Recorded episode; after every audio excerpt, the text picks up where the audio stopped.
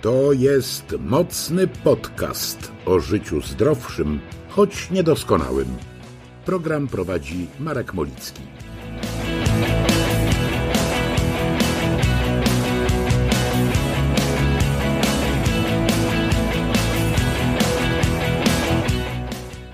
Decyzję o pójściu na kurs Mindfulness uważam za jedną z najlepszych w życiu. Choć trochę czasu upłynęło od momentu, kiedy pomyślałem, że warto do chwili, kiedy podjąłem działanie. No i gdyby nie to, że ten kurs skończyłem, powiedziałbym, szkoda, że tak późno. Ale ponieważ mindfulness, czyli trening uważności, uczy skupiania się na tym, co jest tu i teraz, to tego nie powiem. Dzięki temu, czego nauczyłem się na treningu uważności, moje życie wygląda inaczej. No powiem nawet zdecydowanie inaczej. No ale spokojnie, nie będę wam opowiadał, jak to nagle spłynęła na mnie jasność, jak to zostałem oświeconym człowiekiem, który jest jak kwiat lotosu unoszący się na niczym niezmąconej tafli jeziora. No nie, tak to nie działa. Stres bywa w moim życiu obecnym, denerwuje mnie ludzka głupota i podłość oraz sporo innych sytuacji. Ale dzięki mindfulness nie działam automatycznie i mogę zdecydować, czy warto zaangażować się w daną sytuację emocjonalnie, czy też odpuścić. No i zdecydowanie częściej po prostu odpuszczam. W ogóle do wielu spraw, wydarzeń i ludzi mam dziś spory dystans. Na przeszłość patrzę jak na coś, co jest etapem zamkniętym, z którym nic już nie zrobię. Więc rozważanie, co można byłoby zrobić inaczej, nie ma sensu. Znaczy, jeśli ktoś chce się zadręczać, to jest to doskonałe ćwiczenie. Rozpamiętywanie przeszłości i ciągłe zastanawianie się, co by było gdyby, nie ma sensu. Chyba, że wyciągasz z tego konstruktywne wnioski. Ale robisz to raz, a nie co chwilę. Z przeszłością nie da się za dużo zrobić, w tym kontekście, że nie cofniesz czasu i nie naprawisz albo nie zmienisz swoich decyzji. Natomiast takie ciągłe rozdrapywanie tej przeszłości to dodawanie sobie cierpienia. Na przyszłość natomiast patrzę bardzo optymistycznie, ale to nie oznacza, że założyłem różowe okulary i zachowuję się jakbym wprowadził do organizmu zbyt dużo elementu bajkowego w postaci płynnej. Patrzę zatem na przyszłość optymistycznie, ale mam świadomość, że nie zawsze i nie wszystko może pójść tak jak zaplanowałem. Choć dzięki mojemu ulubionemu mnichowi buddyjskiemu Adanowi Bramowi nauczyłem się tę przyszłość przewidywać. Stąd może takie moje podejście. Zresztą mogę i Tobie powiedzieć, jaka będzie Twoja i moja przyszłość. Gotowa? Gotowy? Otóż nasza przyszłość jest niepewna. Mamy plany i każdy z nas do czegoś dąży, ale nie mamy pewności, że dojdziemy tam, gdzie planujemy. Może się okazać, że znajdziemy się w zupełnie innym miejscu, co może być zarówno ekscytujące, jak i mało przyjemne. Skupiam się zatem i przede wszystkim na tym, co jest tu i teraz, koncentruję się na jednej rzeczy na raz, a to sprawia, że jestem wielokrotnie bardziej efektywny niż kiedyś. Kiedyś, kiedy pracowałem po 14 czy 16 godzin dziennie. Jednocześnie jestem dziś naprawdę znacznie bardziej odporny na stres, ponieważ potrafię zauważać emocje i podejść do nich bez oceniania. Po prostu jestem bardziej świadomy tego, co się dzieje, ale bez eskalowania w głowie potencjalnych następstw. Tego właśnie uczy mindfulness, dlatego trening uważności nie tylko wpływa na codzienną produktywność, ale też daje bardzo skuteczne narzędzia do radzenia sobie ze stresem, nerwicą lękową i atakami paniki oraz depresją. Nie, to nie jest cudowne lekarstwo i nie jest dla każdego. Ale jeśli jest dla Ciebie, to nie warto czekać ani sekundy dłużej, tylko skorzystać z dobrodziejstw metody stworzonej przez Jona Kabat-Zina. Metody dodajmy gruntownie przebadanej i o naukowo udowodnionej skuteczności. Żadnej ściemy, żadnych obietnic nabycia umiejętności pozwalających osiągnąć wszystko wszędzie i zawsze. Nie zliczę już, ile razy przerobiłem ten sam scenariusz. Wystarczyło, że w rozmowie z kimś przyznałem, że na przykład byłem na kursie mindfulness, żeby okazało się, że moja rozmówczyni lub rozmówca przyznawała lub przyznawał, że albo sama lub sam ma podobne problemy, albo doświadcza tego jej e, lub jego partner czy partnerka. Wystarczyło, że raz na pewnej grupie napisałem kilka słów o technice relaksacyjnej, żeby napisało do mnie kilkanaście osób z pytaniami pogłębiającymi temat, bo tak się składa, że bardzo przydałoby im się coś takiego. Choć oczywiście są i tacy, którzy twierdzą, że pytają dla kolegi. Okej, okay, rozumiem. Przy okazji trening mindfulness bardzo pomógł mi w odchudzaniu. Uważam w ogóle, że zadbanie o psychikę w odchudzaniu ma nie mniejszą wagę niż dobrze ułożony jadłospis dopasowany do stanu zdrowia. Pierwszym ćwiczeniem w czasie treningu uważności jest uważne jedzenie drobnych suszonych owoców. Dla kogoś, kto przy jedzeniu przez większość życia czytał książki lub gazety, to doświadczenie ciekawe. Kiedy taką praktykę zaczyna przenosić się na normalne posiłki, dzieją się rzeczy jeszcze bardziej interesujące. Nagle czujesz smaki, z których wcześniej nie zdawałeś sobie sprawy. Jedzenie sprawia większą przyjemność, a na dodatek, ponieważ jesz powoli, to robisz ogromną przysługę swojemu organizmowi, a na dodatek zadowalasz się mniejszymi porcjami. Dalej już robi się coraz ciekawiej, bo zaczynasz kolejne czynności wykonywać świadomie, a nie na autopilocie. W takiej sytuacji zostaje mało miejsca na negatywne, niekonstruktywne myśli i emocje, a kiedy nawet one się pojawią, dzięki codziennej praktyce, zamiast działać automatycznie, decydujesz, czy ta myśl lub emocja jest warta Twojego zaangażowania, czy lepiej chwilę ją poobserwować i następnie pozwolić jej odpłynąć. Brzmi interesująco? No, za chwilę zrobi się jeszcze ciekawiej. A teraz zapraszamy do wysłuchania rozmowy z gościem specjalnym, którym jest Mirka Białobrzeska, psychoterapeutka Gestalt, trener MBSR, czyli Mindfulness Based Stress Reduction i MBCT, Mindfulness Based Cognitive Therapy oraz współwłaścicielka firmy doradczo-szkoleniowej Szenki Institute. Cześć Mirka, chyba niczego nie pominąłem. Witaj Marku. Nie pominąłeś z tą drobną zmianą, że ja w międzyczasie zmieniłam nazwisko i się nazywam Kolmaga. Poza tym wszystko się Ach, zgadza. właśnie, oczywiście. To no, nie, taka, nie taka drobna zmiana, dość, dość istotna. E, no to już wszyscy wiedzą, jak się nazywasz. E, dobra, to przejdźmy do pierwszego pytania.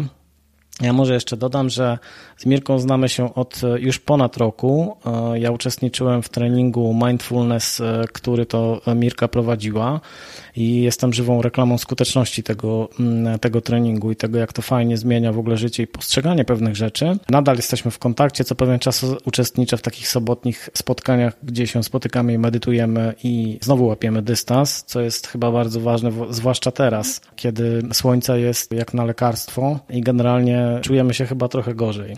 No ale cóż, tak. bywa. Dobrze, zacznijmy zatem od e, takiego ogólnego stanu polskiego społeczeństwa i tego, jak wyglądamy na tle innych. Jeśli spojrzymy na media społecznościowe, to można odnieść wrażenie, że większość to ludzie odnoszący sukcesy, mający nienaganny porządek w domu i bardzo udane życie. Ale mi trudno uwierzyć, że tacy naprawdę jesteśmy. Z drugiej strony funkcjonuje taki żart, że nie ma zdrowych psychicznie, tylko są źle zdiagnozowani. Jak to wygląda z perspektywy Twojego gabinetu? Wiesz, zacząłeś od tych stron na w mediach społecznościowych i to dla mnie jest bardzo często smutne, bo zdarza się, że czasem klienci mnie z różnych powodów zapraszają na swoje profile. Ja nie staram się tam wchodzić, ale czasem tam jestem. I zdarzają się takie sytuacje, kiedy pracuję z kimś, kto jest naprawdę w głębokiej depresji z dramatyczną sytuacją życiową jego profil wygląda dokładnie tak, jak opisałeś. Zdjęcia z wakacji, uśmiechnięta twarz, perfekcyjny makijaż albo znakomity strój, ale to jest tylko fasada. Krąży po internecie taka, taki, nie wiem, to trudno może memem nazwać, ale jest tam taki kolaż z kilkunastoma zdjęciami aktorów, muzyków, znanych postaci i na każdym z tych zdjęć wszystkie te osoby są uśmiechnięte. To, co ich łączy, to to, że każda z tych osób popełniła samobójstwo i tam jest podpis taki, tak wygląda depresja właśnie. Dokładnie tak, dokładnie tak. Teraz jak pytasz, jak to wygląda z perspektywy mojego gabinetu, no smutno i ciężko. Wiesz, no jasne, że do mnie przychodzą ludzie, którzy potrzebują pomocy, ale często bywa tak, że e, ja, ja, znam takie historie, kiedy ktoś dzwoni, żeby się umówić na konsultację, a potem się wycofuje, bo, bo się boi mhm. bo dla niego przyjście do gabinetu to jest jakaś stygmatyzacja. No, to jest chyba bardzo powszechny problem, niestety. Natomiast bardzo często ci, którzy trafiają do gabinetu, potem, no, potem z perspektywy czasu mówią, ojej, czemu ja tak długo czekałam, czy czekałem. Mhm. A czy wydaje, czy wydaje ci się na przykład, czy w ogóle masz takie porównanie, że mm, nie wiem, Polacy są jakoś mniej lub bardziej zestresowani na przykład na tle innych europejskich społeczeństw, już nie sięgając dalej? Wiesz co, i tak, i nie. Tak, dlatego że pracujemy więcej niż inne narodowości. To się po trochu zmienia, bo młode pokolenie już nie jest gotowe tak dużo pracować, ale nadal jesteśmy, jeśli dobrze pamiętam, najdłużej, najwięcej czasu w pracy spędzającym narodem. Mhm. I to, to nie ma zmiłuj, to się musi odbijać na stanie naszego zdrowia psychicznego, dlatego że mózg nadużywany po prostu bezlitośnie włącza mechanizmy, które go chronią, a to jest depresja czy nerwica lękowa. Mhm. No tak, to akurat e, doskonale rozumiem i wiem, do czego właśnie nadmiar pracy może doprowadzić, bo ten mózg cały czas używany, on działa na bardzo wysokich obrotach, ale też by w którymś momencie chciał powiedzieć, no dobra, dzięki, ja też chcę chwilę odpocząć, no i wtedy właśnie zaczynają się problemy. Na co w takim razie najczęściej chorują Polacy, jeśli chodzi o zdrowie psychiczne i co może być tego powodem? No po części już odpowiedziałaś, że nadmiar pracy, takie przeciążenie, ale podejrzewam, że to nie jedyny powód. Wiesz co, no jeśli mówisz o Polakach, to za ostatnie dwa lata, jeśli dobrze pamiętam, chorobą, która ma naj, największy deklarowany przyrost ilościowy rok do roku, to jest nerwica lękowa. Mhm. Około dwudziestu kilku procent, 24% chyba rok do roku przyrasta ilość osób zgłaszających się z tymi objawami do lekarzy. Co wcale nie znaczy, że taki jest przyrost tej choroby. To znaczy tylko, że o tyle więcej osób się do lekarzy zgłasza. Na moje, na moje wyczucie ten przyrost mhm. może być nawet wyższy.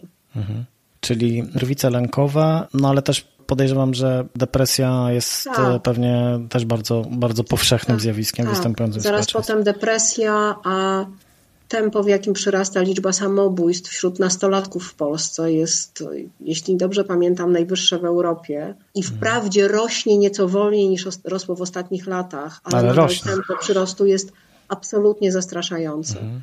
A jeśli weźmiemy jeszcze do tego pod uwagę fakt, że bardzo często, zwłaszcza w mniejszych miejscowościach, jeżeli ktoś popełnia samobójstwo, to rodzina prosi lekarza, żeby zapisał to w, ta, w statystykach nie jako samobójstwo, tylko jak cokolwiek innego. Mhm. Jeżeli dodamy do tego fakt, że wiele samobójstw mężczyzn polega na tym, że się rozpędzają i padają na drzewo, czy na barierę, czy na cokolwiek, co też oczywiście nie jest relacjonowane jako samobójstwo, tylko po prostu jako wypadek drogowy, Mhm. to te liczby są zatrważające. W ogóle mam wrażenie, że w Polsce o samobójstwach mówi się jakoś tak przy okazji. No ten temat nie jest bardzo, nie, nie jest w ogóle dogłębnie badany jakoś, albo może jest badany, ale wnioski z tego nie, nie trafiają przesadnie szeroko do, do opinii publicznej i tak mam wrażenie, że to nawet nie jest problem małych miejscowości, gdzie prawdopodobnie siłą rzeczy jest ten wstyd większy związany właśnie z tym, że ktoś popełnił samobójstwo, ale to też dotyczy tak dużych miast jak Warszawa, gdzie generalnie z, po, zapytać, kto ma depresję, to prawdopodobnie 99% tych, którzy mają, by się nie przyznało, bo to przecież też wstyd. A już o, samobójstw, o samobójcach to już nie wspominajmy w ogóle. Z depresją Marek jest trochę łatwiej. Te, te kampanie społeczne, No tak. to, że osoby medialne mówią mam depresję, że o tym się mówi, to już powoduje, że troszkę łatwiej się jest do tej depresji przyznać. Ja mówię troszkę, to jest jeszcze dalekie od, od, od tego, co by naprawdę ludziom pomogło. Natomiast o nerwicy lękowej się nie mówi, a to jest najszybciej przyrastająca choroba obecnie. Znowu na moje wyczucie, na przykład bardzo szybko też przyrasta wśród nastolatków. Mhm. A i wśród ludzi bardzo młodych. No, no, rze- rzeczywiście trafiają do mnie bardzo młodzi ludzie z objawami nerwicy lękowej. No i na moje wyczucie to przyrasta i też mało kto jest świadom. Bardzo często ludzie przychodzą z takim, jakoś jestem zepsuty, bo się za bardzo boję. Mhm. Bez świadomości, że to jest choroba, która dotyka tak wiele osób. Mam wrażenie, że ludzie pracują koło, koło siebie latami, doświadczając tego a, i chowając to, uważając, że to po prostu z nimi jest coś nie tak, a nie, że to jest powszechna dolegliwość. Ostatnio w jednej ze stacji e, telewizyjnych w czasie porannego pasma prowadzący no, zżartował sobie właśnie z ataku paniki. On, on oczywiście później się tłumaczył i przepraszał, że to nie było jego intencją, że to w ogóle o co innego chodziło, że mm, i tak dalej, i tak dalej. Dla mnie jeszcze najgorsze w tym wszystkim było to, że współprowadzącą jest psycholożka, a gościem była druga psycholożka i właściwie tam wszyscy się uśmiechnęli tylko. No ale w świat poszedł, poszedł taki przekaz, że zasadniczo atak paniki to jest coś śmiesznego. Natomiast każdy, kto taki atak paniki przeżył, doskonale wie, że to jest najgorsze uczucie na świecie, które po prostu mm, jest równoznaczne z takim poczuciem za chwilę umrę. Więc jeżeli w mediach, nawet jeśli potem później się tłumaczy, że to nie o to chodziło, że w ogóle to- to jest inna historia, jeżeli pojawia się takie wrażenie, czy takie, taki komunikat idzie w świat, no to potem trudno się dziwić ludziom, że oni nie chcą iść do specjalisty. No bo jeżeli widzą dwie psycholożki, które nie reagują w takiej sytuacji, to co mogą, czego mogą spodziewać się e, w gabinecie? Że zostaną wyśmiani, tak? Wiesz, a najbardziej dla mnie gorzkie i smutne jest to, że tak naprawdę nerwica lękowa, jeśli popatrzeć na to z punktu widzenia mechanizmów neurobiologicznych, nie jest chorobą, albo jest chorobą w takim samym sensie, w jakim zakwasy mięśni po długim biegu. Bo to jest po prostu objaw towarzyszący temu, że mózg jest przemęczony nadmiarem bodźców i zadań, wynikających, wynikającym z różnych powodów, z powodów tego, jaki mamy stosunek do świata, ile od siebie wymagamy, jak dużo pracujemy, jak siebie oceniamy z różnych powodów. Ale nerwica lękowa tak naprawdę to jest nic innego jak przegrzany mózg. Mózg, który po prostu reaguje tak samo jak mięśnie reagują produkując zakwasy. No i to jest dla mnie bardzo trudne, dlatego że ludzie odczuwając lęk myślą sobie coś ze mną nie tak i mają do siebie pretensje, ukrywają się z tym albo no, mają pod swoim adresem różne bardzo niefajne komunikaty. I to trochę tak, jak jakby kierowca, który jedzie autem w długą trasę, widząc, że spada mu poziom paliwa, jechał dalej, nie tankował, jechał dalej, nie tankował, aż jak samochód stanie z powodu braku benzyny, wysiadł z niego i ze złością kopał go w koła, że nie jedzie dalej. Mhm. I to jest to, co sobie robimy. To jest to, co sobie robimy, jeśli doświadczamy lęku. On jest naturalnym mechanizmem każdego z nas, częściej niż do tej pory i reagujemy na to pretensją do samego siebie. No to prędzej czy później ten lęk się przerodzi w panikę. Czy nerwica lękowa nieleczona może przekształcić się w następnym etapie w depresję? Tak, tak, dlatego że no, nerwica lękowa, znowu z neurobiologicznego punktu widzenia, to jest po prostu zbyt długotrwały stan pobudzenia całego układu nerwowego, a układ nerwowy, jeżeli jest przeciążony, to w końcu reaguje depresją. I bardzo często zdarza mi się, że pracuję z klientami, którzy przez lata biorą leki antydepresyjne, a jak zaczynamy przyglądać się temu dokładniej w procesie psychoterapii, to się okazuje, że tak naprawdę oni nie potrzebują leków antydepresyjnych, tylko bardziej potrzebują leków przeciwlękowych, mhm. bo ta depresja wynika po prostu z ignorowanego latami lęku.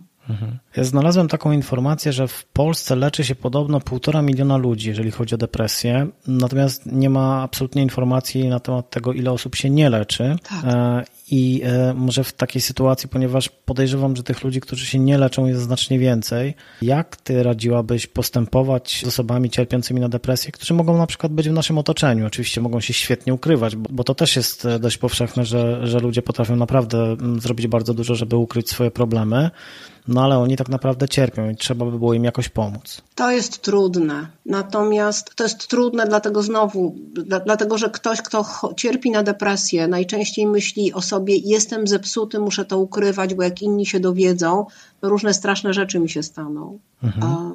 I robi to tak długo, aż już nie jest w stanie ukrywać. Jeśli podejrzewam, że ktoś mi bliski, czy ktoś znajomy cierpi na depresję i widzę, że nic z tym nie robi, że próbuję to przeczekać, to najlepsze, co mogę zrobić, to w ciepły, przyjazny sposób, na przykład opowiedzieć o kimś innym, kto choruje, skorzystał z pomocy fachowej i przyniosło mu to ulgę. Ale ważne, żeby to było nieinwazyjne. Mhm. Żeby to nie pogłębiło tego poczucia, jestem zepsuty. Mhm. To jest potrzebny taki komunikat, to jest ok. Mnóstwo ludzi tak ma to, co się z tobą dzieje, jest trudne, ale z tym można coś zrobić, natomiast tylko ty możesz coś z tym zrobić. Naciskanie na taką osobę na ogół powoduje wycofanie się. Więc tu jest potrzebne dużo taktu i najłatwiej jest po prostu powoływać się na inne, autentyczne historie, w których skorzystanie z fachowej pomocy pomogło. Ja w ogóle zauważyłem to, o czym rozmawialiśmy o tym przed rozpoczęciem nagrania, bo ja zauważyłem taką tendencję właściwie, czy te, coś, co się dzieje bardzo często, że wystarczy w, jakimś, w jakiejś rozmowie z drugą osobą, albo czasami na przykład na jakiejś grupie, nawet na Facebooku, wspomnieć o pewnych tematach związanych właśnie ze zdrowiem psychicznym, z, z nerwicą lękową, czy się przyznać na przykład do czegoś takiego jak nerwica lękowa i nagle pojawia się cała grupa ludzi, mówi ja też mam z tym problem i co ja mogę dalej z tym zrobić. To jest nie, nieprawdopodobne. Żyjemy w XXI wieku, technologia poszła nieprawdopodobnie do przodu, a my się wstydzimy ataków paniki. To jest bardzo zaskakujące z jednej strony, ale z drugiej strony no jednak taka chyba presja jest w społeczeństwie, właśnie jeszcze potęgowana trochę przez social media, że po prostu wszystko musi być idealne, piękne, więc panika i depresja tak. nie, nie pasują za bardzo do tego, do tego wizerunku. Tak, a jak jeszcze przyjrzymy się mniejszym miejscowościom, jak mówię mniejszym, to ja nie mówię o wioskach. Mhm. Ja mówię, nie wiem, o miejscowościach typu Augustów, Suwałki, mhm. Wałbrzych, takim miejscowościom. Mhm. To tam to, że ktoś mnie zobaczył, jak wchodzę do gabinetu terapeutycznego, może oznaczać śmierć społeczną. No to... Ale ja mówię zupełnie dosłownie. Mhm. No i wtedy już jest kłopot. No tak. Od pewnej dietetyczki kiedyś usłyszałem, że w kwestii predyspozycji do tycia, powiedzmy, nie ma na świecie sprawiedliwości. Jeden będzie tył przy małych odstępstwach, a inny będzie mógł sobie pozwolić na znacznie więcej. A jak to jest z ludzką psychiką? Jak to się dzieje, że pewni ludzie będą zachowywać się spokojnie, no niemalże w czasie wojny, a innych sparaliżuje sama myśl o tym, co się może zdarzyć? Jak to możliwe, że jeden człowiek, który jest przez wiele lat kontrolerem lotów na przykład, codziennie podejmuje wiele stresujących decyzji, naprawdę stresujących, biorąc odpowiedzialność za setki ludzi, a ktoś inny w tym samym czasie jest pewny, że jeżeli mieszanie herbaty zacznie robić w odwrotnym kierunku, to może się stać coś, coś złego. Czy tu też nie ma e, sprawiedliwości, czy my się rodzimy z jakimś zestawem cech, które nas predysponują do, do schorzeń psychicznych, czy tu po prostu nie ma reguły? Wiesz, jak mówisz schorzeń psychicznych, to jakoś nie czuję się kompetentna, żeby mówić o innych chorobach niż depresja i nerwica lękowa, bo na ten mhm. temat sporo wiem. E, ale wystarczy choćby schorzeń typu schizofrenia, to opinie są mieszane, trudno mi jest się wypowiedzieć. Natomiast jeśli chodzi o depresję i nerwicę lękową, to wiesz, w moim poczuciu są dwie przyczyny, które powodują, że niektórzy z nas są bardziej podatni, bo tu nie ma sprawiedliwości też. Mhm. Ale jest jakaś prawidłowość. Przede wszystkim, jeśli z jakichkolwiek powodów nie doświadczyliśmy dobrej, bezpiecznej, kochającej więzi w dzieciństwie, to wyrobiliśmy sobie mechanizmy reagowania na trudne sytuacje, na przykład na bycie porzuconym przez rodziców w takim emocjonalnym sensie. Mhm. Poprzez to, że myślimy sobie, to z nami jest coś nie tak, to ja muszę coś z tym zrobić. Małe dzieci tak reagują. Mhm.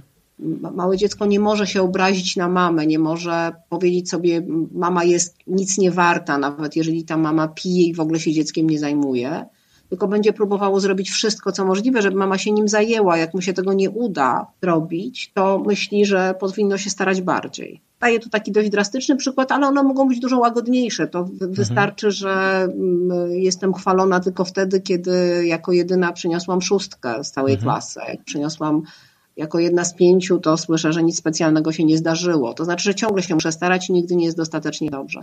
To znowu wyrabiam sobie taki nawyk myślenia. Mhm. Czyli jeśli dziecko nie doświadczyło dobrej, bezpiecznej więzi, nie było chwalone, nie było wspierane w dzieciństwie, nie czuło się kochane i akceptowane, to wyrabia sobie taki nawyk reagowania na współczesną rzeczywistość, który jest bardzo destrukcyjny Zwłaszcza, że we współczesnym świecie zawsze można coś bardziej, więcej i zawsze są inni, którzy są ode mnie lepsi. Kiedyś w poprzednich pokoleniach tego nie było widać, nie było mhm. Facebooka. No tak. W moim pokoleniu moi koledzy i koleżanki byli mniej więcej w podobny sposób ubrani i mieli podobne rzeczy. Myśmy się nie porównywali między sobą, bo niewiele wynikało z tych porównań. Mhm. Natomiast teraz, jeśli nie mam takiej bezpiecznej więzi w głowie, jeżeli nie czuję się akceptowana, to zawsze sobie znajdę powody, dla których jestem gorsza.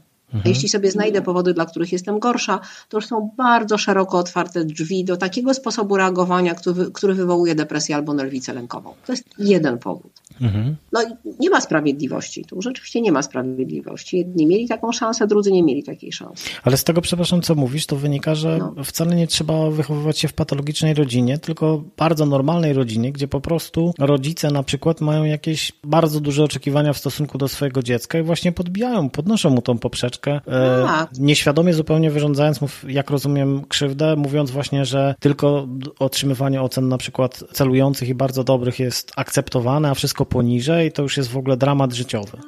Dokładnie masz rację, nie trzeba się wychowywać w patologicznej rodzinie. Wystarczy, że dziecko doświadczyło z dobrego serca po to, żeby je przygotować no do życia. Wiecznego stawiania poprzeczki i mobilizowania do tego, żeby bardziej.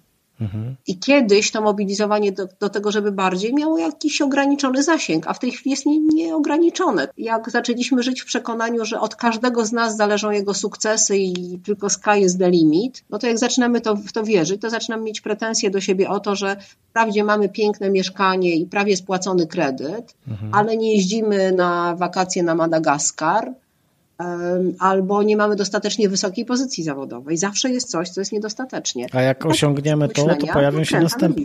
A jak osiągniemy to, to pojawią się nowe e, wyzwania, tak. które, których znowu będzie, nie, na przykład nie będziemy mogli osiągnąć. Tak i tak w tak, skończoność w sumie. Tak. A jest jeszcze jeden aspekt. Część z nas w naturalny sposób rodzi się z większą niż przeciętna wrażliwością na na emocje, na poczucie sprawiedliwości, na różne bodźce. I jeśli mamy tą wrażliwość większą niż przeciętna, to zaczynamy się bardziej przejmować tym, co inni myślą, mówią, jak reagują. I trochę trudno nam uwierzyć, że inni tak nie mają. Mhm. Jest to dla nas standardem. Ten syndrom jest dość dobrze opisany w książce Jak myśleć mniej, dość popularnej w tej chwili. I wtedy bardzo łatwo jest taką swoją nadwrażliwość, swoje głębsze rozumienie tego, co się dzieje, obrócić przeciwko sobie z takim poczuciem, no to ze mną jest coś nie tak. No i wtedy znowu mamy gotową nerwicę lękową. Depresję mhm. również. Słyszałem taką historię, bo to trochę nawiązuje do tego, do tego poczucia własnej wartości i w ogóle przede wszystkim najbardziej wrażliwości. Zbliżamy się do świąt Bożego Narodzenia, no już mamy grudzień, czyli taki z jednej strony czas, który jest bardzo rodzinny i, i w ogóle teoretycznie powinien sprzyjać wyciszeniu. Natomiast ja słyszałem, że w tym okresie świąt Bożego Narodzenia jest bardzo często zdarza się, że jest wzmożona liczba samobójstw. Tak. I nie dotyczy to wcale wyłącznie osób samotnych, które można by pomyśleć, że są najbardziej narażone, no bo to rozumiem, że jeżeli mamy święta rodzinne, a jest się mm, osobą samotną, to faktycznie może być taki moment, że po prostu gdzieś komuś coś pęka i mówi, nie, mam dosyć tego. No ale nie dotyczy to wyłącznie osób samotnych. Jak sądzisz, czym to może być spowodowane?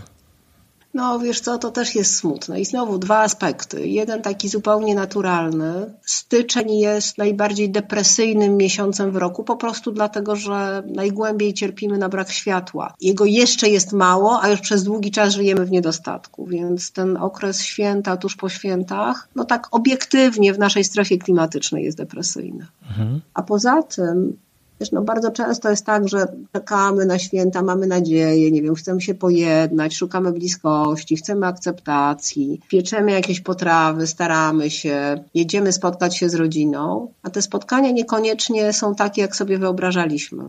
Mhm. Zamiast akceptacji, przyjęcia może dojść znowu do kłótni, krytyki, stawiania oczekiwań, wymagań, pretensji, budowania poczucia winy. No i to może spowodować, to może być taki impuls, taka kropla, która przelewa czarę goryczy i tak też czasem bywa. Mhm. E, no i rzeczywiście jest tak, że w tym okresie okołoświątecznym do gabinetu zgłasza się wyjątkowo dużo ludzi z prośbą o rozpoczęcie terapii albo konsultacji. No to dobrze, że to robią, bo to lepiej. Tak, jednak... zdecydowanie tak. Mhm. Czasem się okazuje, że wystarczy kilka sesji, żeby porozmawiać, przyjrzeć się, żeby zostać wysłuchanym i przyjętym. I mhm. No i następne święta już są trochę ładniejsze. No a mhm. czasem to otwiera dłuższy proces. No na pewno. Trochę mnie zmartwiłaś tym styczniem, bo ja się w styczniu urodziłem tak, tak sobie pomyślałem, że to niezły start miałem. Urodziłem się w najbardziej depresyjnym miesiącu w roku od razu, od razu dostałem taki, taki bagaż. Myślisz, że to może mieć jakiś wpływ na przykład? Takie, że, że człowiek się rodzi w takim miesiącu akurat, gdzie jest non-stop ciemno, a już to wcześniej to nie wiedziałem, że było ciemno. Ale... Wiesz co, nie mam pojęcia, nie jestem świadoma żadnych badań na ten temat, a jakoś nie lubię zgadywać. Okay.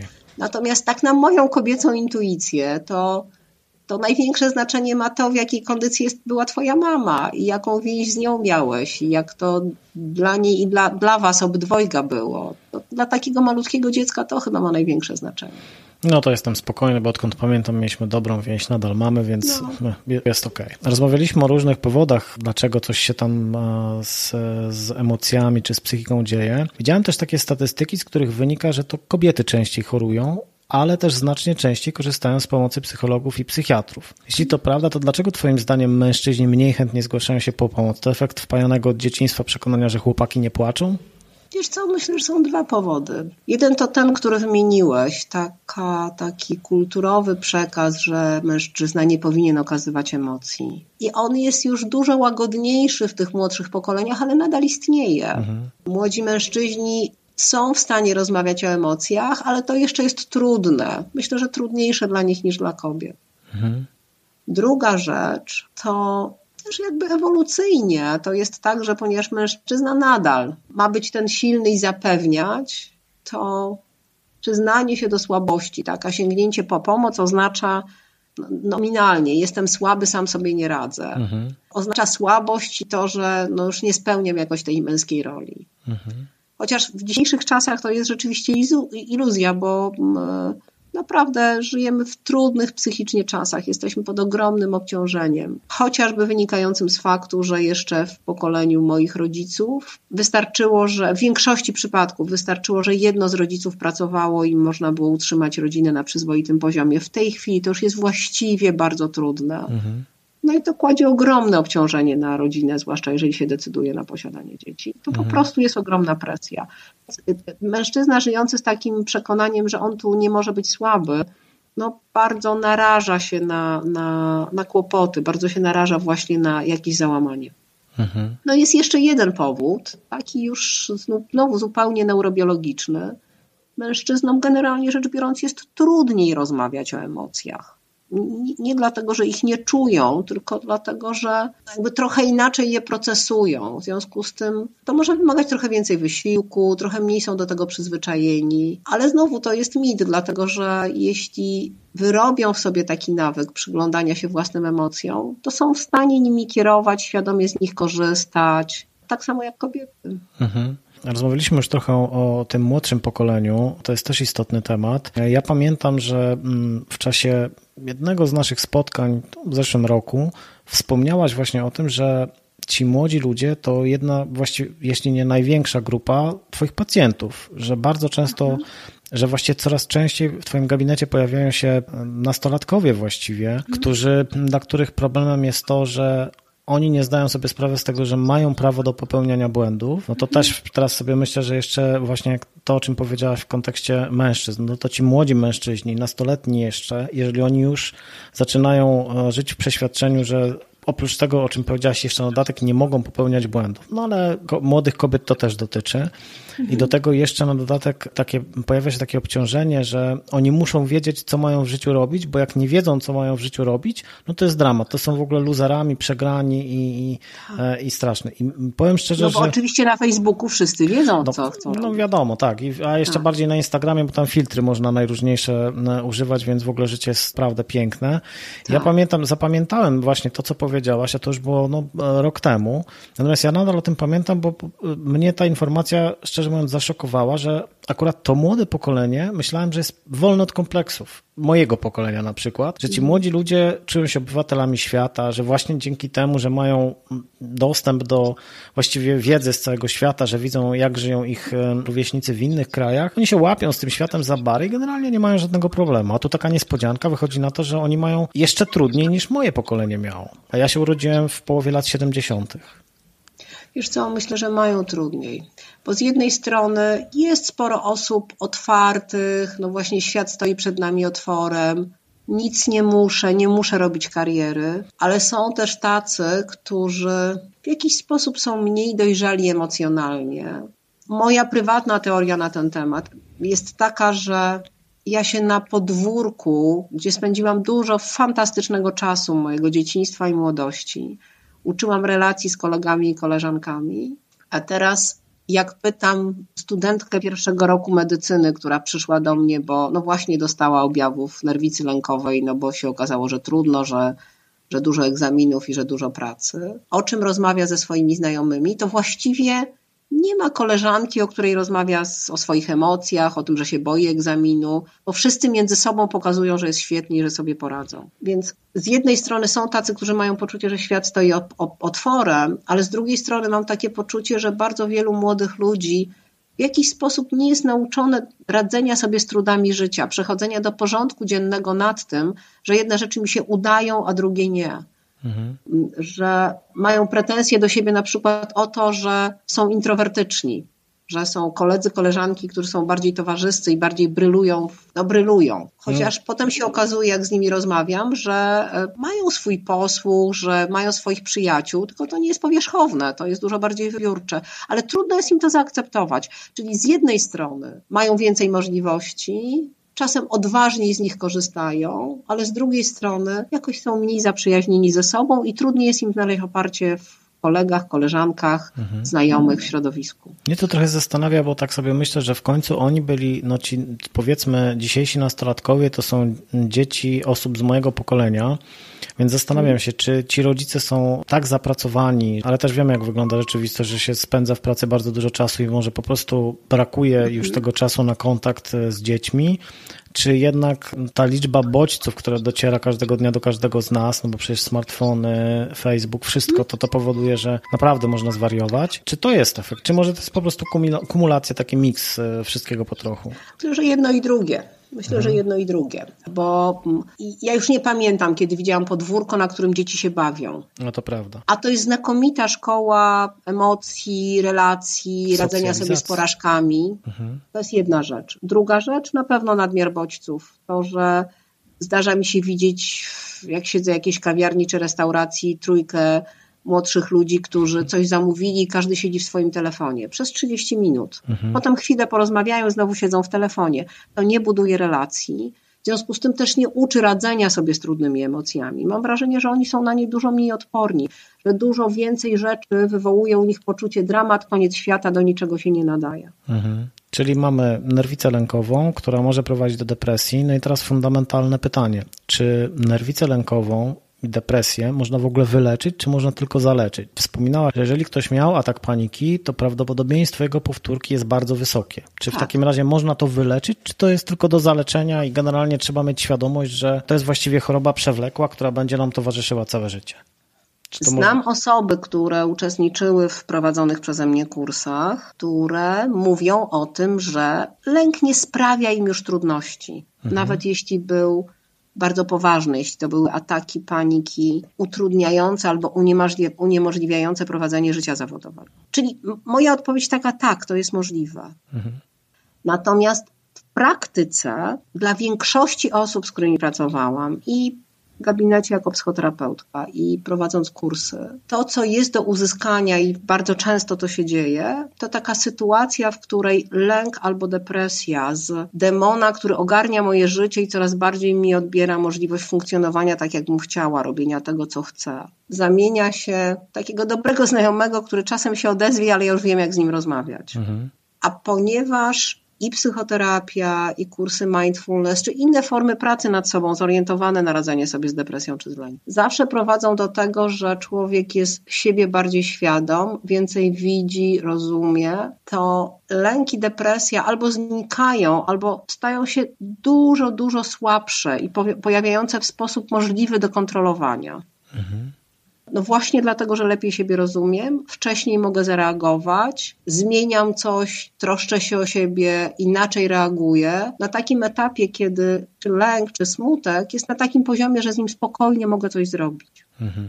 Jasne, że zawsze w mózgu zostanie ta ścieżka neuronalna, która się wytworzyła przy pierwszym czy drugim ataku paniki, czy przy pierwszym czy drugim ataku depresji, ale jeśli w konsekwentny sposób na przykład praktykuję uważność, czy troszczę się o siebie, reaguję kiedy zauważam, że zaczynam się zachowywać w niekonstruktywny dla siebie sposób, to prędzej czy później zaczynam zyskiwać nad tym poczucie kontroli, w związku z tym coraz mniej się tego boję, to ma coraz mniejszy wpływ na mnie. No i w bardzo wielu przypadkach kończy się to tym, że po prostu przestaję brać leki, nawet jeżeli brałam, brałem je przez wiele lat. Mhm.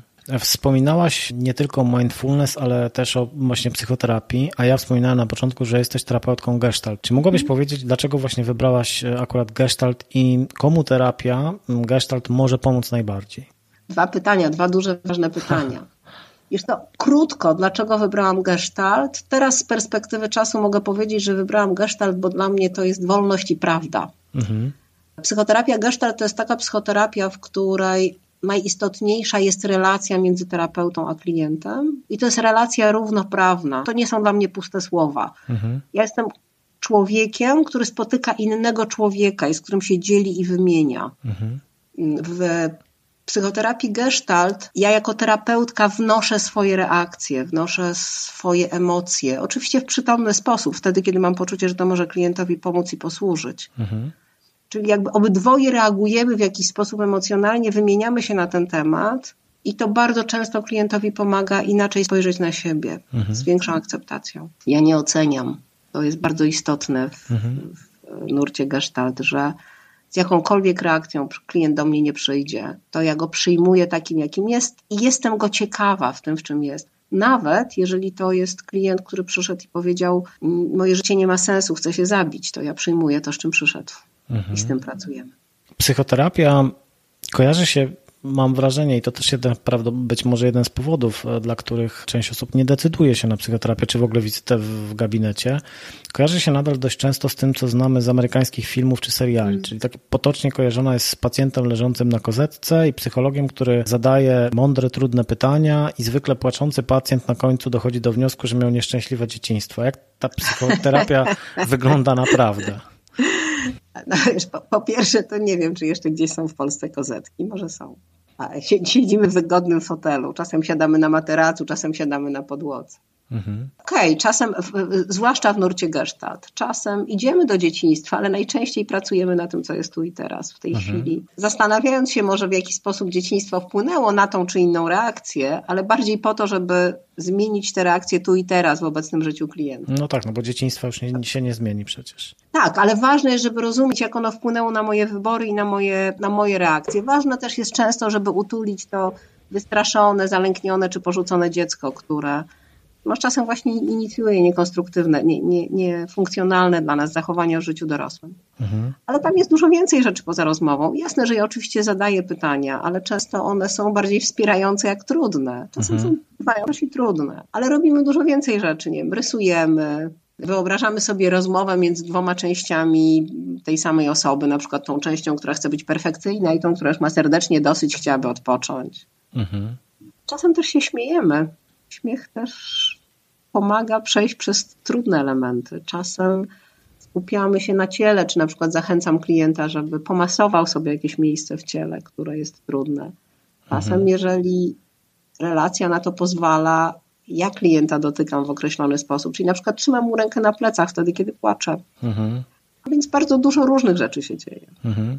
No właśnie powiedziałaś o dwóch takich aspektach. Raz, że na przykład przychodzi do ciebie pacjent i mówi wprost, że jego życie nie ma sensu i on chce ze sobą skończyć. I tutaj już jest na dzień dobry komunikat, który, z którym trzeba sobie jakoś poradzić.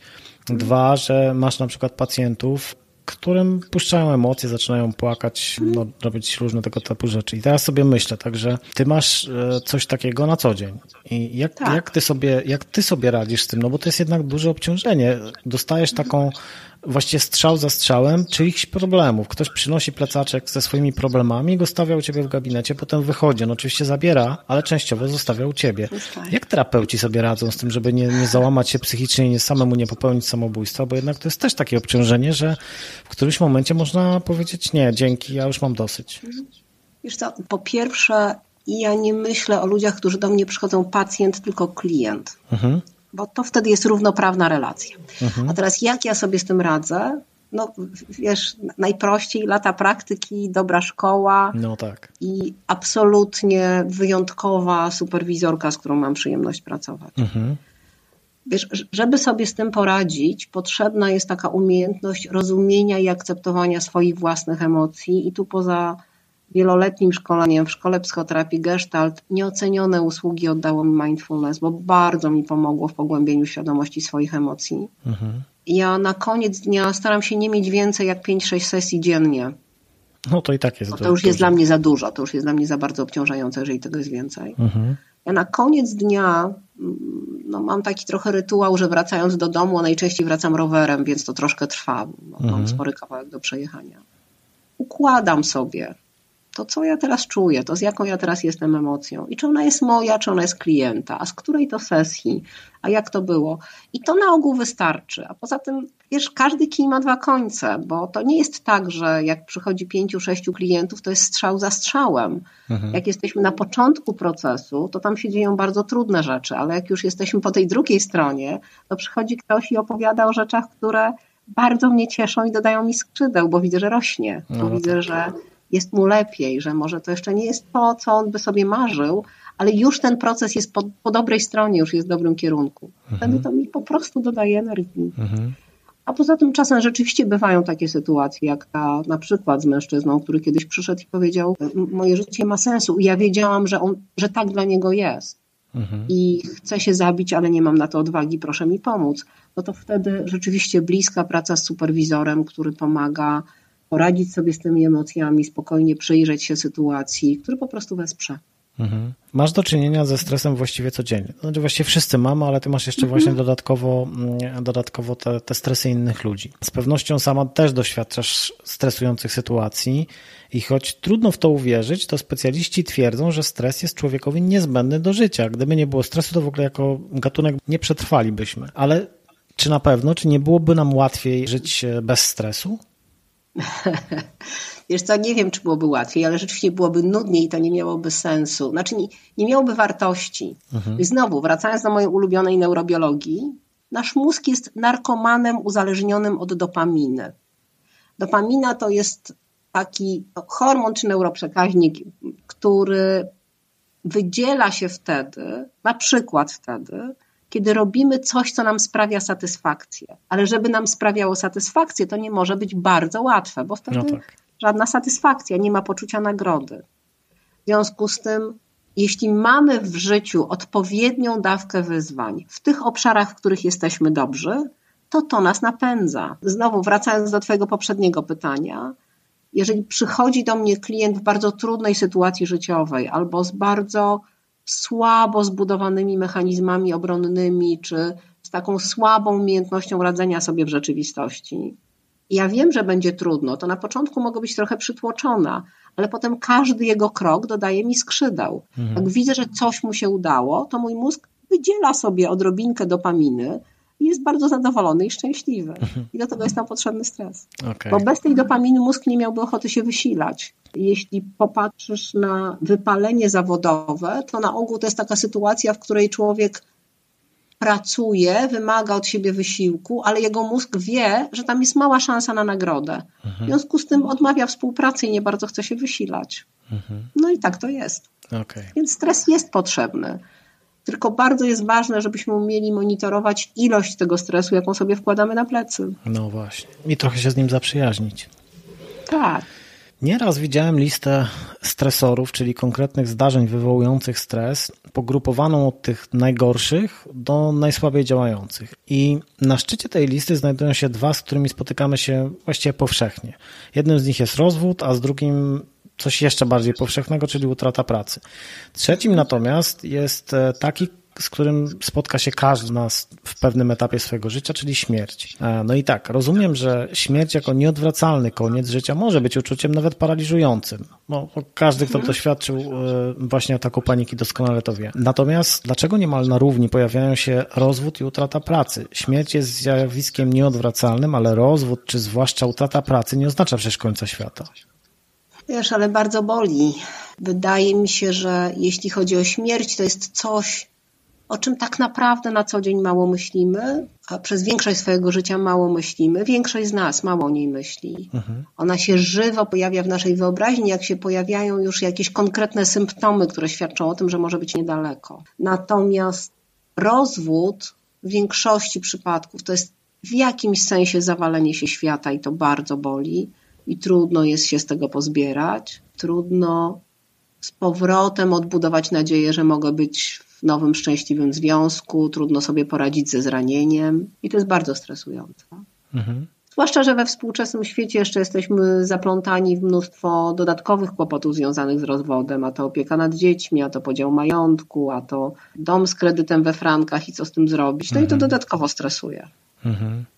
No tak, plus tak wszechogarniający nas idealny świat z social mediów, a tu nagle tak. nam się nie udało, tak? Tak, tak. No właśnie. A utrata pracy, Marku, mhm. dlatego że jeśli szukam pracy, zwłaszcza jeżeli straciłem pracę z jakiegokolwiek stanowiska menedżerskiego i wyżej, na ogół długo trwa i jest procesem z definicji bardzo godzącym w nasze poczucie własnej wartości, bo stale jesteśmy pod obstrzałem, a musimy zarabiać. W związku z tym stale stawiamy się w sytuacji, chodzę na kolejne wywiady, wysyłam kolejne CV, ale stale się czuję odrzucony. Bo mhm. ileś tych, bo, bo tylko nikły procent moich CV spotka się z odpowiedzią. W większości przypadków. Mhm. Muszę przechodzić procesy oceny, a tak całkiem atawistycznie. To znaczy, że staję przed obcym plemieniem, które całe będzie na mnie patrzyło i prawdopodobnie mnie odrzuci. To budzi ogromny lęk. No to, to bardzo godzi w poczucie własnej wartości. No to prawda, bo jeszcze na dodatek może być coś takiego, że jeżeli tak, tak jak mówisz, proces taki właśnie poszukiwania nowej pracy trwa powiedzmy rok i było tych rozmów kwalifikacyjnych na przykład 15, to po 14 odmowie faktycznie człowiek może zacząć uważać, że coś z nim jest nie tak, że tak. jego poczucie własnej wartości po prostu już gdzieś leży w piwnicy tak. i jest potem bardzo trudno uwierzyć, że kiedyś było się na szczycie, a dzisiaj jest właściwie, jest się nikomu niepotrzebny. No to jestem w stanie tak, faktycznie uwierzyć, że, tak. że, coś takiego może być. A do, na dokładkę mózg podpowiada, no już jak tyle razy ci się nie udało, to nie ma się co starać. Mhm. No i no, potem to już jest bardzo trudno. Mhm. Jesteś e, nie tylko terapeutką, ale też, jak wspominałem, trenerką Mindfulness Based Stress Reduction. To ładnie bardzo brzmi, ale trudno się wypowiada. I jeszcze mhm. na dodatek Mindfulness Based Cognitive Therapy. Mhm. Ja Cię znam od tej strony, że prowadzisz po prostu treningi uważności zapobiegające depresji i nerwicy lękowej. Tak to się nazywało, jeśli tak. dobrze pamiętam. Tak. E, jak w ogóle Ty się sama zainteresowałaś mindfulness? Jaka droga prowadzi do uzyskania tytułu trenera mindfulness? Zainteresowałam się mindfulness, tak jak wszystkim w swoim życiu, w sposób bardzo empiryczny. Kiedyś, jak byłam bardzo zajętą osobą. Ja już pracowałam jako psychoterapeutka, ale jednocześnie miałam swoją firmę doradczo-szkoleniową, w której się bardzo dużo działo którą zarządzałam razem z kolegami z zarządu. Jadąc do domu, usłyszałam w radio wywiad z kimś, kto organizował w Polsce pierwszy kongres mindfulness. Zaprosił Jona Kabadzina, czyli twórcę uważności, mhm. i opowiadał o tym, co to jest uważność. I no, redaktor dopytywał, a ten ktoś powiedział, no to ja dam przykład. I poprowadził takie klasyczne ćwiczenie mindfulness z jedzenia czegoś. Mhm. Ja wtedy jechałam samochodem, zjadłam kawałek jabłka ale zrobiło to na mnie takie wrażenie, właśnie to uważne jedzenie, taką ogromną różnicę jakościową poczułam w swoim doświadczeniu, mimo tego, że nie powinnam jadąc samochodem robić ćwiczenia uważności, ale ja to poczułam. Jechałam znaną sobie trasą, było pusto. Że się tym zainteresowałam, trafiłam jako uczestniczka na pierwszy w Polsce taki certyfikowany kurs uważności. Jeszcze bardziej się zainteresowałam, bardzo to mhm. było dla mnie ciekawe.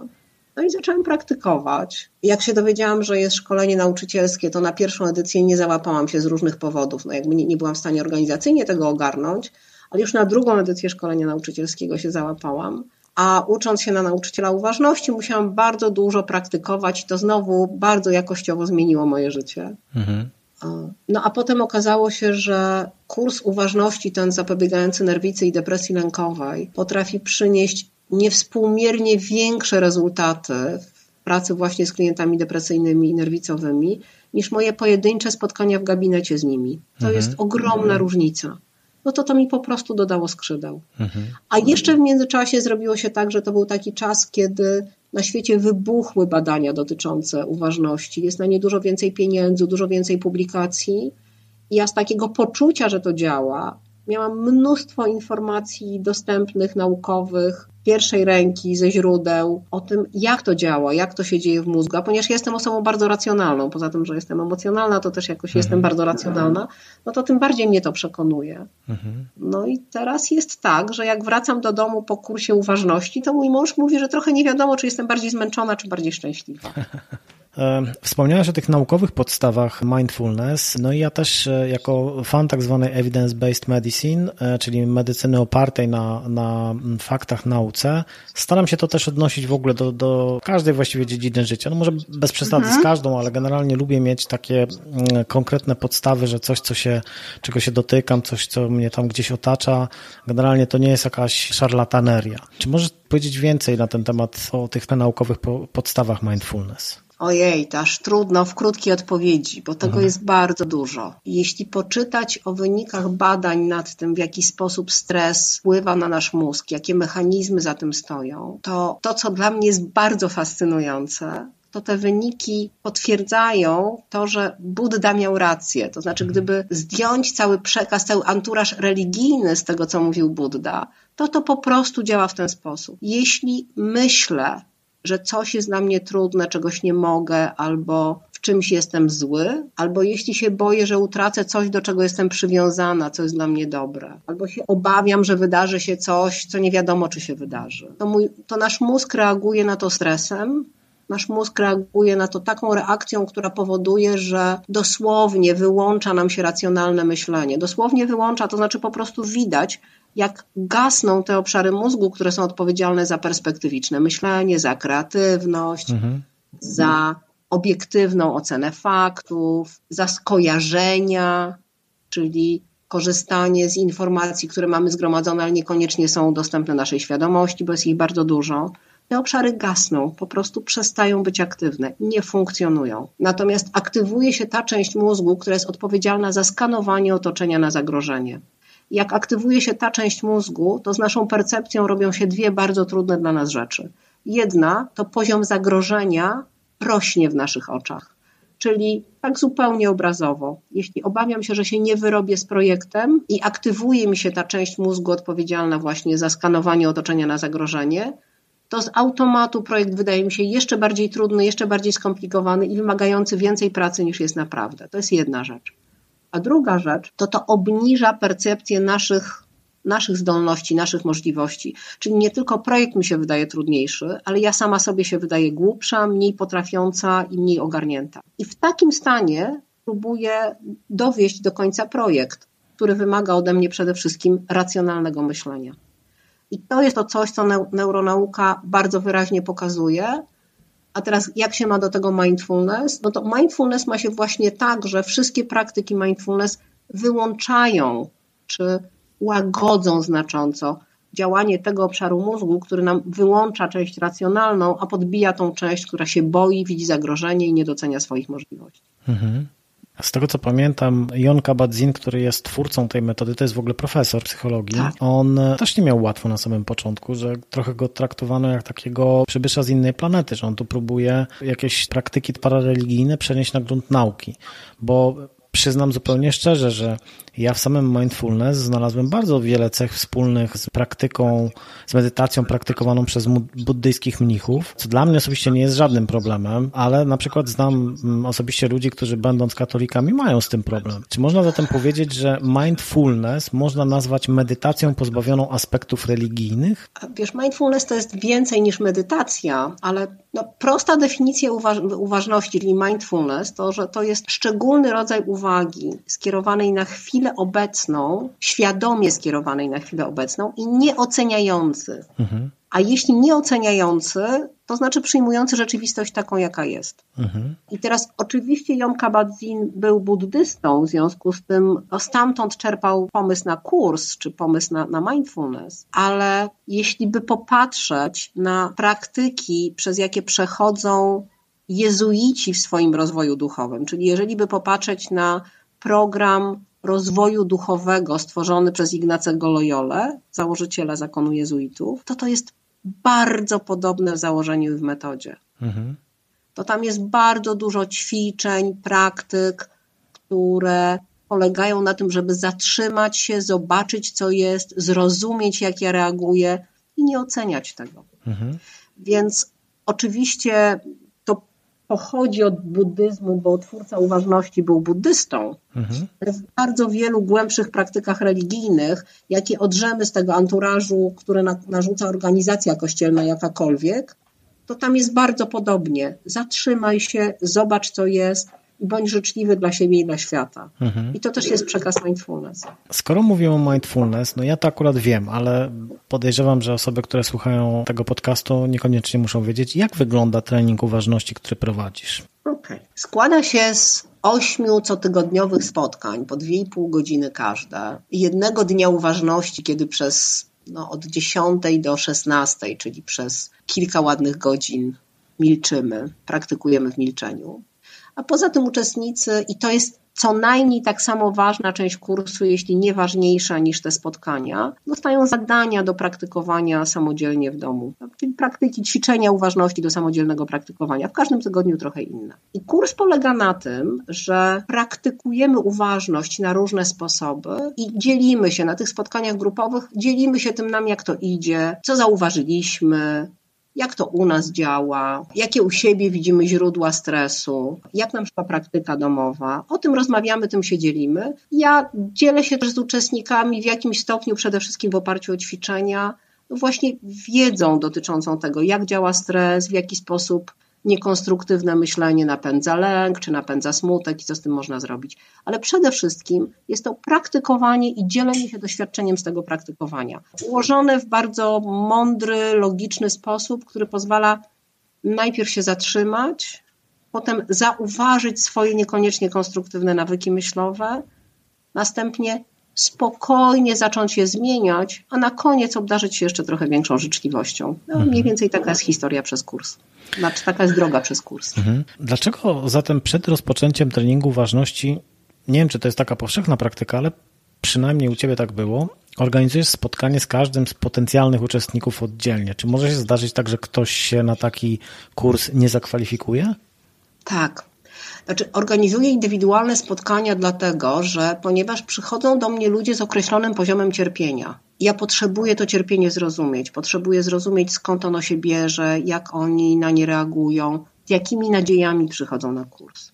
Bo może tak być, że muszę powiedzieć, ok, to kurs tego nie da, to da, a tego nie da. Czyli jakby potrzebuję zweryfikować oczekiwania w stosunku do kursu. Ale przede wszystkim również potrzebuje dowiedzieć się, czy na przykład ten ktoś nie jest w takiej fazie depresji, że udział w kursie nie ma dla niego sensu w tym momencie. Bo jeżeli ktoś jest w głębokim dołku depresyjnym, to to nie jest moment na uczenie się nowych zachowań i wyrabianie nawyków. Mhm. To jest moment na to, żeby temu komuś dać wsparcie i jak wyjdzie z dołka depresyjnego, to wtedy zaprosić go na kurs. Czasem zdarza się, że trafiają do mnie na kurs osoby, które chcą wyjść z załogu, na przykład uzależnione od narkotyków, bo to też się zdarza. No mhm. i wtedy może być tak, że ja no, na podstawie swojego wyczucia i wywiadu powiem, ok, myślę, że teraz to jest trochę za wcześnie, bo jeżeli widzę kogoś bardzo uzależnionego, to jemu trudno będzie pracować nad swoją świadomością, jakiej się jej bez przerwy pozbawia.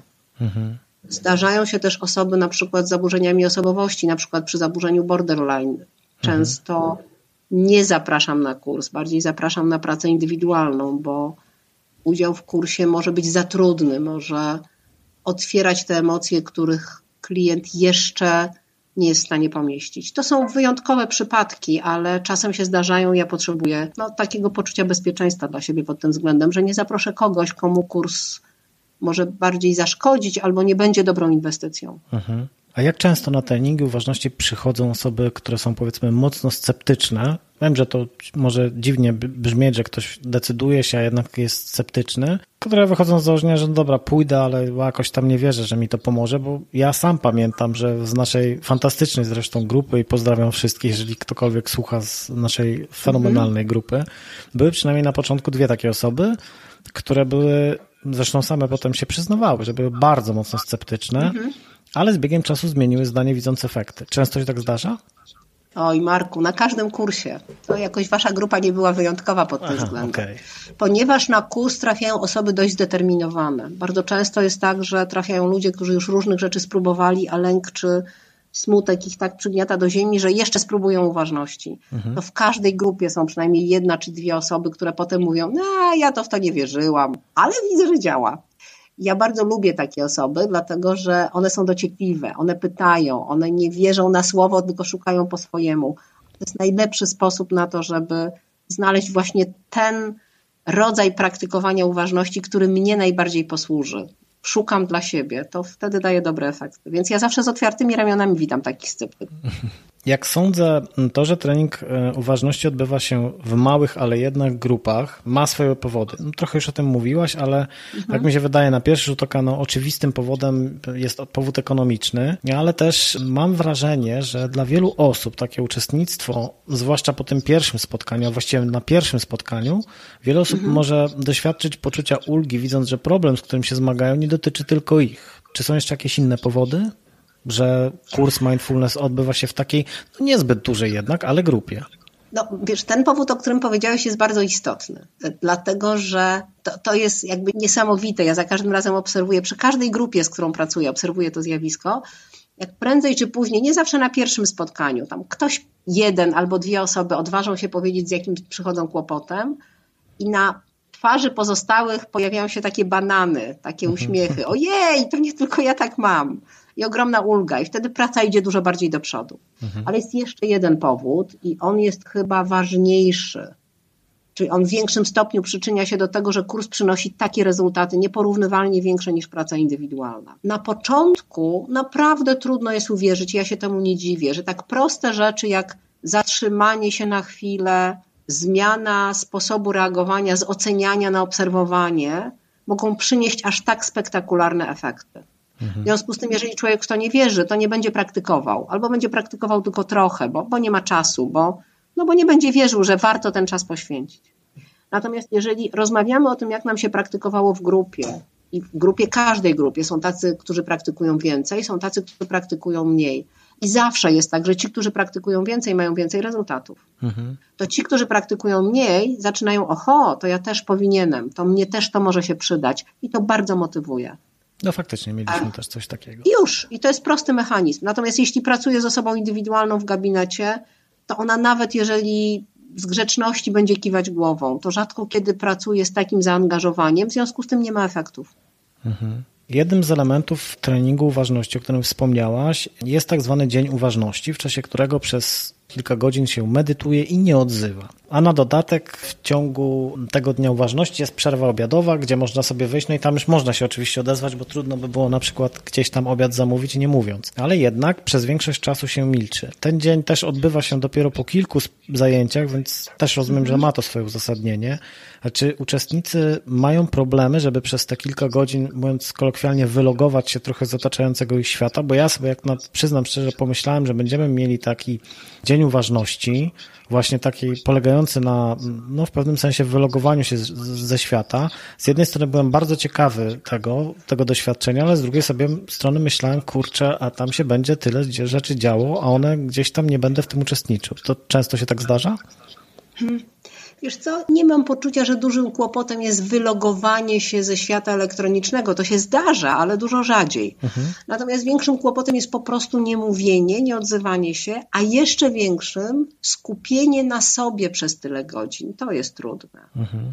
I tak mniej więcej jedna czwarta, jedna piąta uczestników często mówi, okej, okay, do lunchu jeszcze w porządku, pierwsza, druga praktyka po lunchu w porządku, ale te ostatnie półtorej godziny to już nie bardzo miałam, miałem ochotę się sobą zajmować. Mhm. Moja intuicja jest taka, że to jest troszkę w taki sposób, że no tak jakby ta część mózgu, która jest odpowiedzialna za skupienie się, za taką spokojną obserwację już się robiła zmęczona, nie była do tego przyzwyczajona i wytrenowana. Natomiast to prawie zawsze, Dzień Uważności prawie zawsze zostawia w uczestnikach takie wspomnienie, ojej, ale to było dobre i spokojne. Ja następnego dnia jakoś inaczej reagowałem na świat. Jakoś chciałbym też do tego wrócić. Może nie w takim wymiarze, nie tak dużo, ale chciałbym. Mhm. Ja pamiętam, że ty wspominałaś, że po takim dniu uważności dobrze jest gdzieś pozostać w takim spokojnym miejscu, żeby nie mieć dużego zderzenia. I ja pamiętam, że po naszym dniu uważności niestety jechałem na wesele, więc miałem. Tak, taki, pamiętam to. Miałem też taki bar, takie zderzenie dwóch e, totalnie, zupełnie różnych światów. Tu właśnie takiego skoncentrowania na sobie i absolutnego wyciszenia się, bo ja naprawdę się bardzo wyciszyłem, a z drugiej strony potem wesele, które wiadomo jak wygląda. E, więc miałem jedno, jednego dnia możliwość porównania dwóch takich właśnie skrajnych światów, a potem jeszcze mieliśmy jedno spotkanie takie sobotnie, które trwa znacznie krócej oczywiście i tam rozmawiamy ze sobą, ale to też było znowu takie, że z jednej strony miałem czas na to, żeby się zatrzymać, skoncentrować na, na sobie, a potem znowu uczestniczyłem w jakiejś imprezie i znowu miałem takie porównanie. To naprawdę takie doświadczenie powoduje, że człowiek zaczyna dostrzegać wiele rzeczy, z których sobie wcześniej zupełnie nie zdawał sprawy, w jakim my właśnie żyjemy pędzie, jak dużo bodźców nas dotyka, tak. jak, jak strasznie dużo się dzieje, ale my w ogóle tego nie, po prostu akceptujemy, że to jest taka nasza rzeczywistość. I nagle się okazuje, uhu, to jednak wygląda trochę inaczej. Tak można inaczej. Tak, i taka jest, taka jest wartość nieuważności, że zaczynamy cenić to, że jak się na moment zatrzymamy i przestaniemy biec, to mnóstwo rzeczy naokoło się zmienia, zmienia się na dobre. Tylko trzeba wytrzymać tą pierwszą niecierpliwość rozpędu. Mhm. Jesteś trenerką mindfulness, ale też sama uczestniczysz jako uczestnik w tak zwanych odosobnieniach i one trwają, jeśli dobrze pamiętam, kilka dni. Jak to wygląda i czy każdy może a może też czy każdy powinien uczestniczyć w takich wydarzeniach? Powinien w tym kontekście, że, że będzie to dla niego dobre, a nie na przykład zrobi sobie krzywdę jeszcze większą niż na przykład pogorszy jest jakiś stan. Czy to paradoksalnie właśnie dla wielu osób taki relaks mógłby być zbyt stresujący? Wiesz co, jakoś bym tu zachęcała do łagodności. Ja co roku biorę udział w takich pięciodniowych odosobnieniach, czyli my przez pięć dni milczymy. I ja co roku czekam na to wydarzenie troszkę za nim tęsknię. Czekam jak na prezent dla siebie, jak na spotkanie ze sobą, ale ja do tych pięciodniowych odosobnień dochodziłam stopniowo. Mhm. Najpierw dniem uważności, potem może dwa i pół dnia, w międzyczasie dużo mojej własnej praktyki. I zalecałabym łagodność, bo tak od razu na głęboką wodę to może być trudne. Najpierw trochę popraktykować samemu, a potem poczuć, co mi jest potrzebne. W Polsce na rynku można znaleźć oferty takich półodosobnień, gdzie trochę rozmawiamy, a przez pół dnia milczymy. I to jest dwu, trzydniowe, a nie od razu pięciodniowe. Albo jednodniowych dni uważności, takich właśnie dni uważności pojedynczych. I raczej bym zachęcała, żeby zacząć od tego i spróbować, a dopiero potem spróbować czegoś więcej. Na pewno takie odosobnienia są bardzo korzystne, bardzo dużo dają, ale trzeba być do nich jakoś przygotowanym, trzeba do nich dojrzeć, trzeba gdzieś od środka czuć, że tak, mhm. a nie iść z głowy, no to ja sobie teraz taką dużą dawkę uważności zafunduję. Mhm. Znowu takie, takie odosobnienia bardzo mi się kojarzą z e, buddyjskimi mnichami, a skoro buddyjscy mnisi, to nie mogę nie wspomnieć o moim ulubionym hmm. buddyjskim mnichu e, Ajanie Bramie, który ma prostą receptę na wszystko, jak to buddyjscy mnisi. Jeśli chodzi o przyszłość, to on powtarza co pewien czas, że nie ma sensu się nią martwić, bo co by się nie działo, czy będzie dobrze, czy będzie źle, to też minie. Na początku trudno jest to zaakceptować, bo jeśli jest dobrze, to chcielibyśmy, żeby to trwało jak najdłużej, a kiedy jest hmm. źle, to czasem trudno nam uwierzyć, że że może być lepiej. Jeśli chodzi o przeszłość, to ona odpowiada na przykład o szklance wody. Jeśli trzymamy ją minutę, to nie jest to żaden problem. Jeżeli trzymamy ją 15 minut, zaczyna się robić trochę nie, niekomfortowo, a po godzinie to już jest naprawdę duży wysiłek. No i fajnie to brzmi w teorii, ale co z praktyką? Mm, jak sądzę, odpowiedzi na takie pytania są chyba tymi, na które ty najczęściej, na takie pytania najczęściej odpowiadasz i one są dość fundamentalne. Jak twoim zdaniem można dojść do etapu, żeby nie martwić się przeszłością i przyszłością, a żyć naprawdę tu i teraz teraźniejszością? Odpowiem tak. To jest proste, jednocześnie bardzo niełatwe. Krok po kroku, kawałek po kawałku praktykować uważność i doświadczać tego, że jeśli jestem w stanie się zatrzymać, przyjąć to, jak się czuję, na przykład to, że się boję o przyszłość, przyjąć to i zaakceptować, że to jest ok, że się boję i trochę pobyć tym strachem, to on mija. Bo każda ludzka emocja, jeśli nie jest zasilana nowym dodatkowym bodźcem, doświadczamy ją około półtorej minuty. Nie więcej. Więc jeśli jestem w stanie pobyć ze swoją troską o przyszłość, ale nie nakręcać się, nie tworzyć sobie scenariuszy, tylko pobyć ze swoim lękiem, ja to mówię w dużym uproszczeniu, jest dużo różnych technik uważności, które, które tego uczą, to, no to ten lęk przestaje mieć nade mną władzę jeśli potrafię na co dzień obserwować, co mnie stresuje, zauważać, kiedy jestem trochę przemęczona, a nie przemęczona tak, że mam wszystkiego dosyć, no to dużo rzadziej będę zestresowana. A jak dużo rzadziej będę zestresowana, to jak przyjdzie coś trudnego, będzie mi łatwiej zachować spokój. I przyszłość nie będzie mnie tak martwić, albo łatwiej mi będzie zauważyć, że znowu grzebie w przeszłości i już mi zdrętwiała ręka od trzymania tej szklanki. Mhm. Czyli jednym słowem praktykować uważność ale re regularnie praktykować. I to jest piękne zakończenie naszej rozmowy. Zaczęliśmy od trudnych tematów, a skończyliśmy takim optymistycznym podsumowaniem, że właściwie taka możliwość życia teraźniejszością jest w zasięgu naszej ręki, co ja mogę potwierdzić, bo sam tego doświadczyłem i faktycznie z praktykowaniem uważności żyje się zupełnie inaczej, ta jakość życia jest zupełnie inna i naprawdę po prostu jest lepiej. Dziękuję Ci bardzo za poświęcenie czasu. Znowu nam się udało pogadać dość długo i coś czuję, że to nie, nie był ostatni raz, bo tych tematów, o których moglibyśmy jeszcze rozmawiać, jest znacznie więcej. Mam nadzieję, że osoby, które będą tego podcastu słuchały, znajdą dla siebie wartościowe informacje. Znaczy na pewno znajdą, ale mam nadzieję, że jeżeli ktoś się zastanawia, czy warto zrobić krok do przodu i pomóc samemu sobie, to już się nie będzie potem zastanawiał, będzie wiedział, gdzie się zgłosić. Dziękuję jeszcze raz. Do zobaczenia i do usłyszenia. Dziękuję Ci, Marku, bardzo. To rzeczywiście tak jest, że jak człowiek zechce sobie sam pomóc, to życie naprawdę może pięknie smakować. Dziękuję Ci. To był mocny podcast. Nie zapomnij odwiedzić bloga mocnymarek.pl. Do usłyszenia w następnym odcinku.